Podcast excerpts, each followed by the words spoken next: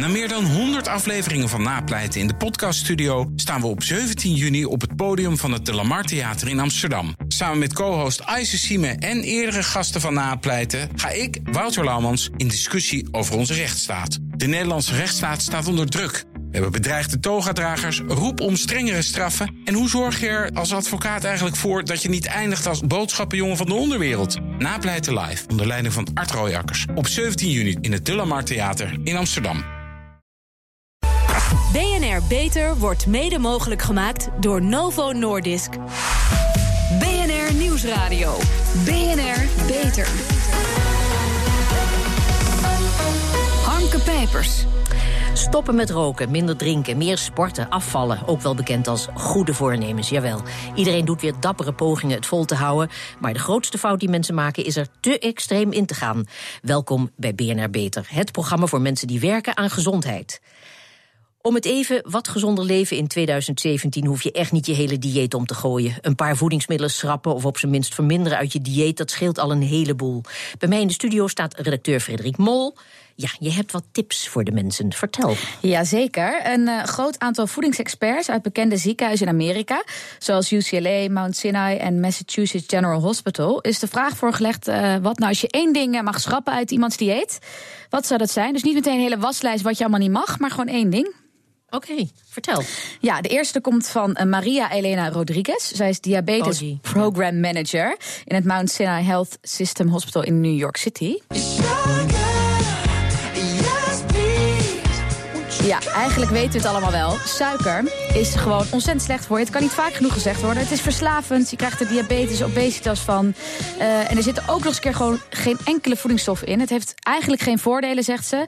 En het voegt alleen maar onnodig veel uh, calorieën aan dieet toe. Dus uh, waarschuw goed. Ze waarschuwt van kijk goed naar de labels. Want er zit veel vaker suiker in ons eten dan we denken. En dat is nog het grootste gevaar. Ja, is heel vervelend. Met zo'n bril en een touwtje de supermarkt in. Maar ja. goed. De volgende tip, dat is er eentje die hard aankomt bij alle foodgoeroes. Ja, dat is de acai bowl. dat is een ontbijttrend die enorm populair is. De basis daarvan is de acai bes. En die zou heel veel antioxidanten bevatten. Uh, een echt superfood ontbijt, zullen we maar zeggen. Maar Lia Kaufman, geregistreerd diëtist aan de NYU Langone Weight Management Program, ook in New York, hoopt heel erg dat deze trend stopt. Want ja, er zitten veel antioxidanten in. Maar uh, een kopje van alleen de acai bes bevat toch al 6 gram suiker en 30 gram koolhydraten. En het grote gevaar is vooral dat in zo'n bol, die wordt, is vaak groot en die wordt dan gevuld met notenbootjes, met zaden, met fruit. Klinkt allemaal heel gezond, maar er zijn vaak echt ontzettend veel calorieën. En ze raden patiënten dan ook meestal aan, uh, voordat je zo'n acai-bol koopt of bestelt, even goed uh, moet checken wat er allemaal precies in zit. En dan weet je hoeveel uh, calorieën je nou echt eet. Ah ja.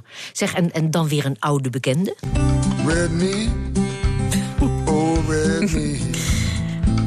Ja, rood vlees. Deze komt van uh, Dana Hunes. Zij is senior diëtiste bij het Ronald Reagan UCLA Medical Center. Uh, ze noemt er stiekem twee. Ze neemt ook even zuivel mee. Kan je beter weglaten uh, uit je dieet of in ieder geval wat verminderen. Uh, de World Health Organization klassificeert vleeswaren als klasse 1 kankerverwekkende stoffen. En dat betekent dat er sterk bewijs is dat rood vlees uh, kanker kan veroorzaken. En het wordt ook nog eens een keer gelinkt aan aardig wat andere ziekten, zoals diabetes en hartproblemen. En, en nog een belangrijke reden voor zowel rood vlees als zuivel uh, het milieu. Zuivel en vlees zijn enorm belastend voor het milieu. En ze maken, ze, ze maakt een vergelijking. Eén hamburger staat gelijk aan drie maanden douchen.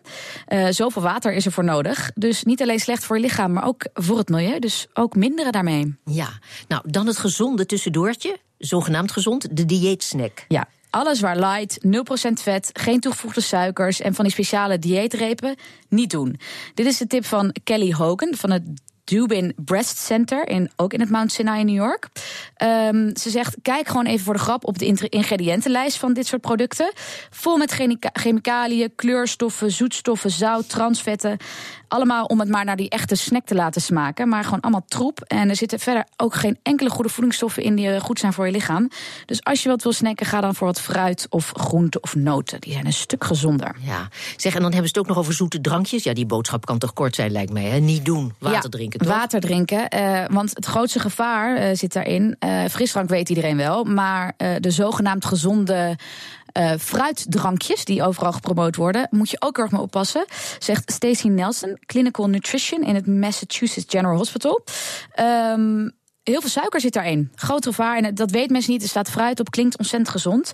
En omdat je uh, drinkt en het ja, dus niet koud, uh, is het al heel erg verteerd. En uh, krijg je ook nog eens een keer weer heel snel weer honger. Dus als je al een sapje wil, doe dan een groentesapje. Ja, zeg, en, en last but not least, de koekjes, chipjes, zoutjes. Ja, dat weten we toch al lang, joh. Ja, maar Fatima Cody Stanford, ook van het Massachusetts General Hospital, maakt zich daar nog steeds ontzettend druk over. Maar ja, zoals je het al zei, weet dat al lang. Gewoon niet doen. Nee, niet doen. BNR Beter. Is het voor de kwaliteit van zorg en de bedrijfsvoering binnen ziekenhuizen beter als medisch specialisten in vaste dienst zijn of levert de zelfstandig ondernemende specialist juist meer kwaliteit? Die discussie houdt de zorg al een tijdje bezig. Ik ga erover praten met Mark van Houdenhoven, bestuursvoorzitter van de Sint Maartenskliniek, en Thijs Stoop, consultant zorg bij Roland Berger. Welkom. Goed, eh, meneer Stoop, u heeft net een onderzoek gedaan over hoe de ziekenhuisbestuurders kijken naar loondienst versus vrijgevestigd. Met beide hebben we in Nederland ruimschoots ervaring, hè, want bij de academische ziekenhuizen wordt in loondienst gewerkt en in de overige ziekenhuizen zijn uh, veel vrijgevestigde specialisten die zich verenigd hebben in maatschappen. Hoe kijken de bestuurders daar tegenaan? Ja, het aardige was wat wij samen met het eh, Financieel Dagblad uh, gedaan hebben vanuit Roland Berger, is een anonieme enquête uitgezet bij bestuurders in de zorg, uh, waarop ze op deze stelling konden reageren. Wat wij zagen was dat 58% van de bestuurders aangaf dat zij denken dat het eenvoudiger en makkelijker de kwaliteit en de bedrijfsvoering te verbeteren valt met specialisten in loondienst. Ja, eh, meneer Houdenhoven, de Sint Maartenskliniek bestaat uit een aantal locaties... Hè, waar de medisch specialisten allemaal, heb ik begrepen... tot volle tevredenheid in loondienst zijn. Hoe is dat zo gekomen? Uh, in de jaren negentig is de overstap gemaakt dat iedereen in uh, loondienst kwam bij de Sint Maartenskliniek. Mm -hmm. En eigenlijk uh, zijn alle dokters naar alle tevredenheid in loondienst. En, kunnen en, en dat ging destijds volkomen geluidloos. Ik bedoel, wat was het idee erachter? Het idee erachter was denk ik om een stap te maken in een betere bedrijfsvoering. Ah, ja. De precieze stap, ik ben er niet bij geweest. Uh, maar we hebben wel in de afgelopen jaren zijn we in staat geweest om met de dokters in loondienst hele goede afspraken te maken over zowel de productiviteit als de kwaliteit. Ja, u heeft ook gewerkt, hoe gelukkig voor dit programma, ook gewerkt in ziekenhuizen waar niet iedereen in loondienst was. Dus u kunt heel mooi vergelijken hoe dat de zaak positief dan wel negatief uh, beïnvloed heeft. Hè? Hoe, hoe is dat? Nou, ik denk dat in ziekenhuizen waar uh, dokters in loondienst zijn, de kwaliteit hartstikke goed is en de productiviteit. En ook in de ziekenhuizen waar dokters uh, in de maatschap uh, werken. Mm -hmm. En dat beide werken vanuit een intrinsieke motivatie om de kwaliteit uh, uh, iedere dag te verbeteren. Tja, maar de belangen van vrijgevestigde specialisten en ziekenhuisbesturen lopen vaak uiteen. Is dat ook wat u tegenkwam, meneer Stoop? Dat de ziekenhuisbestuurders alleen al daarom het liefst alle specialisten in loondienst zouden zien? Ik denk dat de specialisten uh, in loondienst, dat besturen daar uh, verschillende ervaringen mee hebben. Ik denk wel -hmm. degelijk dat er voorbeelden zijn waar ziekenhuizen een zeer goede ervaring hebben met het samenwerken met specialisten uh, als vrijgevestigden. Zowel als inderdaad in toenemende mate dat we ook voorbeelden zien waar het aantal loondienstspecialisten toeneemt. Tja, maar goed, vindt u dat loondienst verplicht zou moeten worden, meneer Stop? Nee, ik denk dat je op het moment dat je loondienst als een verplichte maatregel op zou leggen, zeker op het moment dat je dat nu zou doen, ja. uh, dat je in ieder geval een heleboel uh, voer voor, uh, en activiteit voor juristen organiseert. En een heleboel specialisten gaat afhouden van datgene waarvoor ze opgeleid zijn. Ja, want dat wordt een één grote knokpartij, begrijp ik. Ja, we hebben op dit moment is er nog zeg maar, de transparantie nog niet op dat niveau dat je zou willen om dat soort stappen goed te kunnen zetten. Ja. Dus dat gaat een heleboel juridisch gevechten opleveren. Ja. En wat vindt u daarvan, meneer Van Houdenhoven? Bent u het net zoals veel uh, politieke partijen eens dat uh, artsen verplicht in loondienst zouden moeten? Nee, artsen moeten niet verplicht Kunt in loondienst. Kunt u ook makkelijk zeggen, want in uw kliniek is het dus al zo? Nou, ik denk dat ze niet verplicht in loondienst moeten. Ik denk dat we er wel naartoe groeien in de samenleving dat steeds meer dokters in loondienst gaan. Ja. Maar nu het iedereen verplicht opleggen, dat zal echt een drama worden in de, in de ziekenhuizen. Omdat er heel veel discussie komt over hoe nu verder, welke vragen precies op te lossen over de stap van een maatschap naar loondienst dat er heel veel geld mee gemoeid gaat. Maar het is dus om een puur praktische reden. Want eigenlijk, uh, ook al uit het feit, u werkt in een ziekenhuis waar ze dus allemaal in loondienst zijn, en dat gaat zo goed, bent u er wel voor? Ik denk dat op termijn uh, het goed is dat alle dokters in loondienst zijn, maar het nu verplicht opleggen met de geschiedenis die wij in Nederland kennen, dat dat echt problemen gaat opleveren. En dat dan alle discussie intern gericht gaat worden uh, over hoe we dit varkentje met elkaar gaan wassen. Dat alleen adviseurs er rijk van gaan worden. Ja. Maar dat de discussie over de inhoud waar we het echt over moeten hebben, dan volledig naar de achtergrond verdwijnt mhm. voor de komende jaren. Zou dat jammer zou wezen, ja. Echt zonde zijn. Ja. En ja, sterker nog, ik denk ook dat je nu al ziet, hè, als je de uh, tendens zal zien, uh, dan zie je al het aantal loondienstspecialisten uh, langzaam maar zeker toenemen.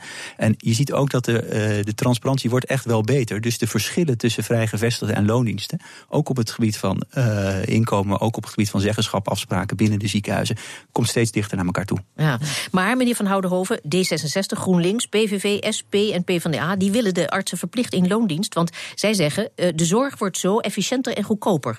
Daar, daar bent u het dus niet mee eens. Dat is te overhaast. Ik denk dat dat te overhaast is. En al het onderzoek wat er tot op heden gedaan is... vorig jaar heeft het... Uh, planbureau ook een onderzoek daarna gedaan. Dan blijkt dat de winst in termen van hoeveel geld dat oplevert.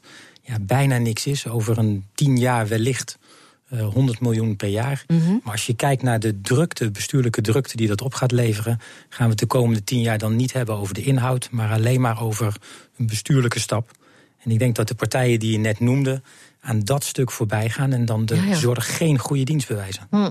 Maar uh, waar zit hem dat dan in? Dat dat de komende tien jaar, begreep ik, als ik het wel heb onthouden, dat het nog nauwelijks iets gaat opleveren, meneer Stoop?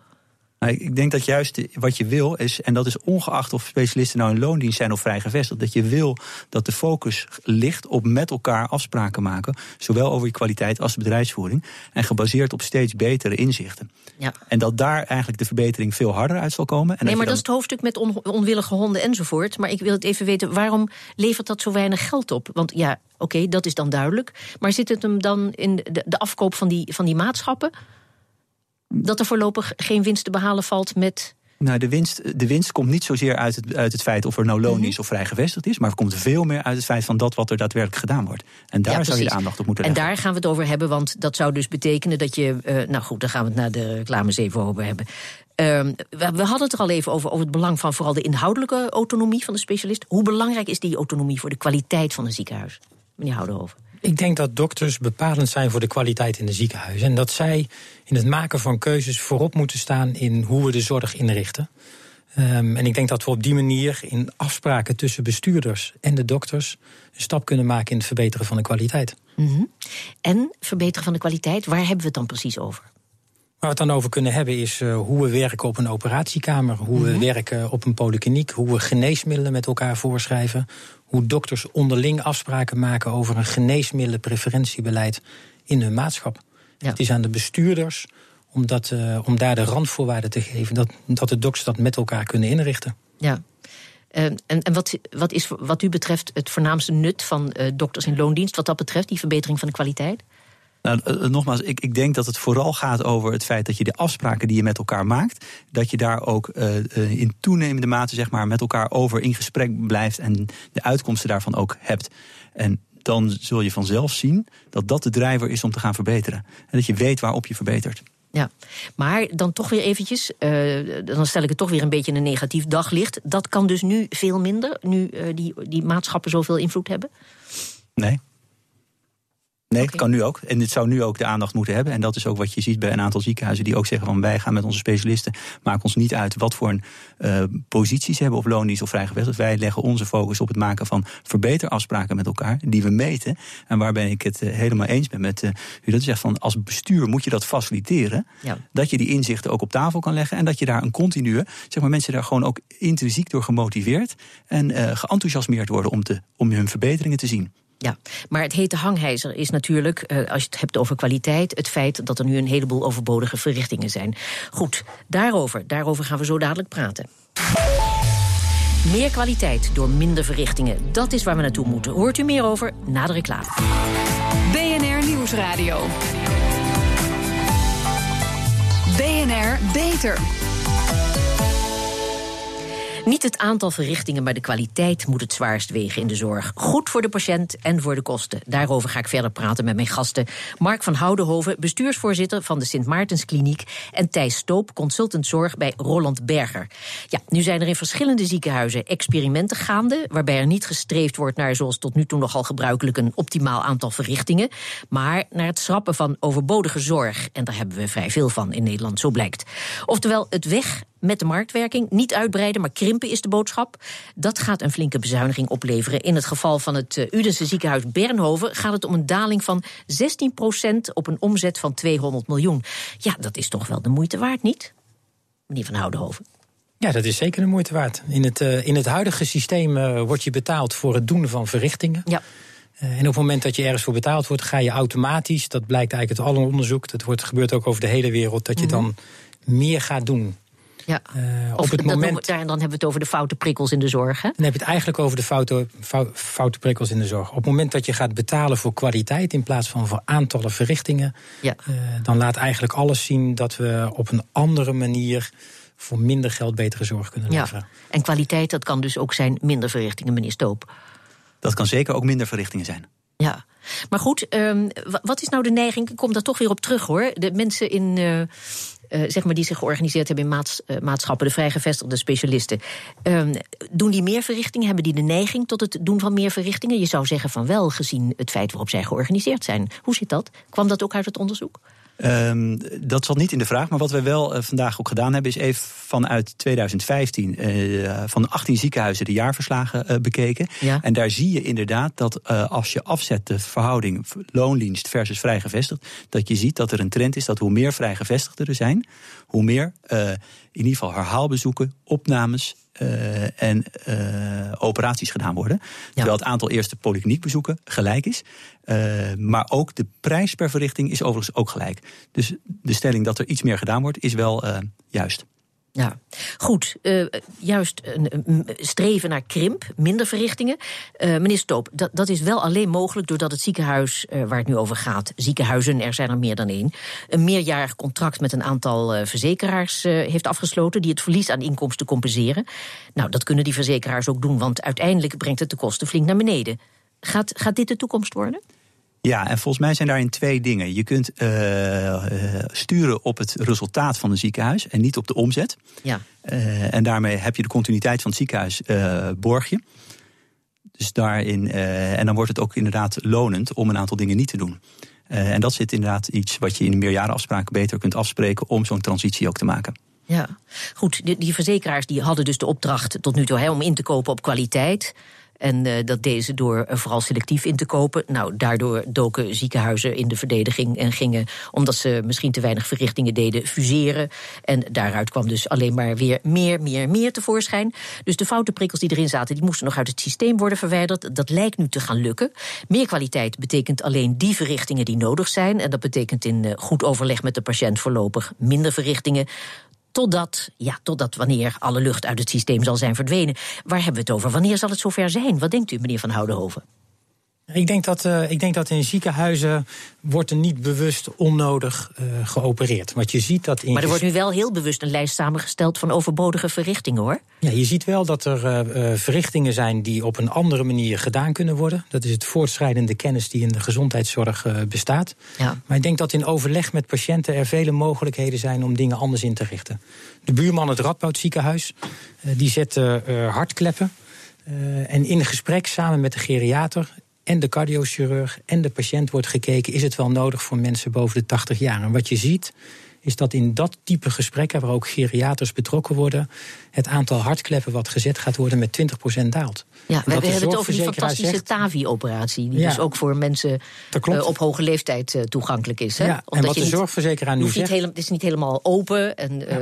uh, die wordt via de lease ingebracht... dus dat lijkt een prachtig middel ook voor 80 plus... Dat klopt. Maar daar zijn nog weer kanttekeningen daar bij te plaatsen. Daar zijn weer kanttekeningen bij te plaatsen. En wat je ziet dat in overleg met de patiënt en een geriater... Uh, en de cardiochirurg het aantal kan worden, kan worden teruggebracht. En zorgverzekeraars zeggen, we betalen toch voor het gesprek wat gevoerd wordt... om ervoor te zorgen dat die patiënt niet meer geopereerd wordt. Ja. En uiteindelijk zal dit soort initiatieven leiden... tot het verbeteren van de kwaliteit van de zorg. Ja. Bent u het daarmee eens, meneer Stoop? Ja, en ik denk ook dat het een mooi voorbeeld is waarbij je dus als verzekeraar je verantwoordelijkheid ook neemt om uh, ook dingen te financieren tegen de ouderwetse prikkels van het systeem in. Ja. En ja, dus zo'n transitie ook mogelijk te maken. En dan kunnen verzekeraars ook eindelijk voldoen aan de opdracht om zeg maar in te kopen op kwaliteit. Het, het begrip kwaliteit verhandeld van inhoud.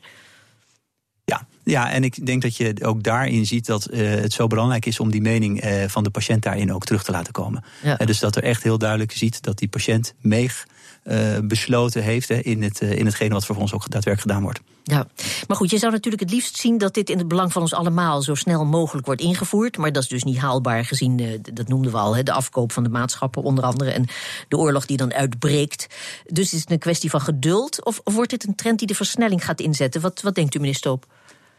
En nog even los van het feit van de, uh, de basis moet gewoon liggen op de afspraken die je als uh, ziekenhuisbestuurder met je medische specialist en je dokters maakt. Mhm. En ongeacht de arbeidsverhouding. En daar zul je je energie in moeten stoppen. En ik denk wel dat je ziet dat het in toenemende mate zal zijn dat vanzelf eigenlijk de switch gemaakt wordt dat steeds meer dokters zullen zeggen van het is ook wel makkelijker als het in loondienst is. Ja, maar bovendien gezien de werkloosheid onder jonge specialisten, ja, die zullen zich toch niet zo gauw meer in een maatschap inkopen?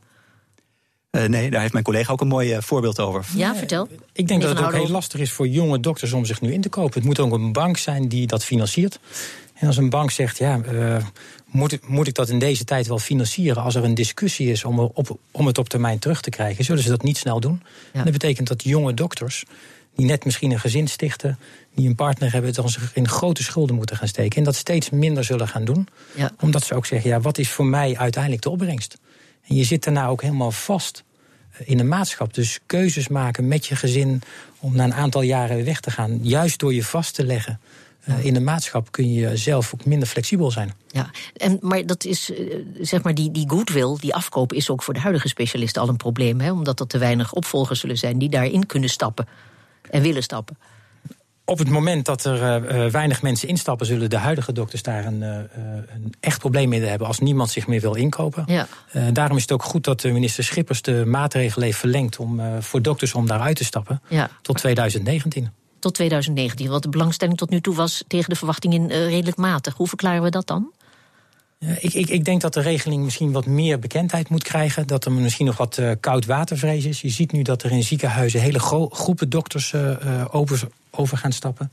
Uh, en ik denk dat als er meer bekendheid is in de komende jaren, dat misschien meer dokters dat gaan doen. Ja. ja. ik denk ook dat je ziet dat het eerste jaar 2015 was waarin dus de afspraken, uh, dus de integrale inkoop via de, uh, via de ziekenhuis loopt. Dus dat, uh, en dat in eerste instantie gewoon gekozen is om het honorariumdeel eigenlijk één op één door te zetten. Ja. Maar dus de noodzaak ook voor specialisten minder was. De, de, de, het oude vertrouwde bleef eigenlijk nog tijdelijk zitten. En langzaam maar zeker zie je toch links en rechts in Nederland een aantal voorbeelden komen waar dat aan het veranderen is. En ik denk dat dat ook zal leiden tot een versnelling in deze beweging. Ja, Mooi, hè? daar hoeven we dus geen oorlog over te gaan voeren, dat is duidelijk. Uh, meneer Stoop, het, het, is wel belangrijk hè, om de inhoudelijke ondernemersdrang van de specialisten te blijven stimuleren. Initiatieven tot het verbeteren van kwaliteit die moeten worden aangemoedigd en ze moeten worden beloond. Het moet wel leuk blijven. Hoe ziet u dat? Ja, absoluut. Maar dat kom ik weer met terug op het punt wat ik eh, een aantal keer al gemaakt heb. Is het, het gaat echt over de inhoudelijke afspraken. Die, je, eh, die je als, als, als bestuurder met je medisch specialist en artsen maakt. En waarin een stuk ambitie zit en, en een stuk inspiratie zit. En daar geloof ik in dat je dat, uh, en dat is uh, op het moment dat je dat daar zichtbaar maakt en daar ook uh, die successen over kunt vieren, is dat een motivatie die de intrinsieke motivatie van doktoren raakt. Ja, want er is door uh, tegenstanders van zeg maar krimp, is ook wel gezegd, ja, artsen in loondienst die werken minder hard. Daar komt het weer. Op zich is het wel dat je met, ook met artsen in loondienst gewoon absoluut afspraken maakt. En ja. net ook al genoemd, ook daar worden gewoon afspraken over productiviteit gemaakt. En dat is, uh, ja, dat is uh, inherent wat je ook gewoon bij elk uh, bedrijf in het bedrijfsleven ook ziet. Daar worden natuurlijk ook afspraken gemaakt over productiviteit. Ja. Maar de, stelling even, over, de stelling over productiviteit, die waag ik toch echt ter discussie te stellen. Het is ook een vraag. Het is een dit, hij, hij wordt heel snel geroepen mm. om aan de ene kant ervoor te zorgen dat vooral mensen in de maatschappij blijven. Maar daarmee schoffeer je eigenlijk de helft van de dokters. Ja, absoluut. en op die manier denk ik ook om de helft van de dokters op die manier weg te zetten. Als dat ware zijn niet productief. Ik denk dat dat geen goede manier is om deze genuanceerde discussie op een goede manier te voeren. Uh, dat is zeker zo. Goed, maar betekent dit al met al dat we uh, zeg maar de ziek, in de ziekenhuiszorg afscheid gaan nemen van die marktwerking die gebaseerd is op de verkeerde prikkels? Dat we het eens zijn met uh, Marcel Levy bijvoorbeeld, die uh, liet een paar aardige citaten los bij verschillende gelegenheden. Want hij had het over het experiment marktwerking is mislukt. Een debiel systeem, een raar mengsel van markt en publiek en het slechtste van twee werelden gecombineerd. Zijn we het daarmee eens? Ik denk dat ons stelsel zich in de afgelopen jaren heeft bewezen als een kwalitatief goed stelsel. Maar dat we, en daar sluit ik me aan bij Marcel, ik denk dat we de komende jaren moeten blijven werken aan het verbeteren van ons systeem. Maar dit helemaal terzijde schuiven en eigenlijk weer opnieuw gaan beginnen, geeft alleen maar weer bestuurlijke drukte die niet gaat over de inhoud. Ja, en meneer Stoop? Ja, ik sluit me daar helemaal bij aan. Ik denk dat je los van de discussie over marktwerking, je, je wil met elkaar blijven verbeteren op die zorg. En dat wil je aan blijven jagen. Oké, hartelijk dank. Mark van Houdenhoven, bestuursvoorzitter van de Sint Maartenskliniek. En Thijs Stoop, consultant zorg bij Roland Berger. Slaap, kindje, slaap. Baby's worden vaak in slaap gezongen, maar werkt dat, werkt dat voor volwassenen ook? Redacteur Frederik Mol die zocht dat uit.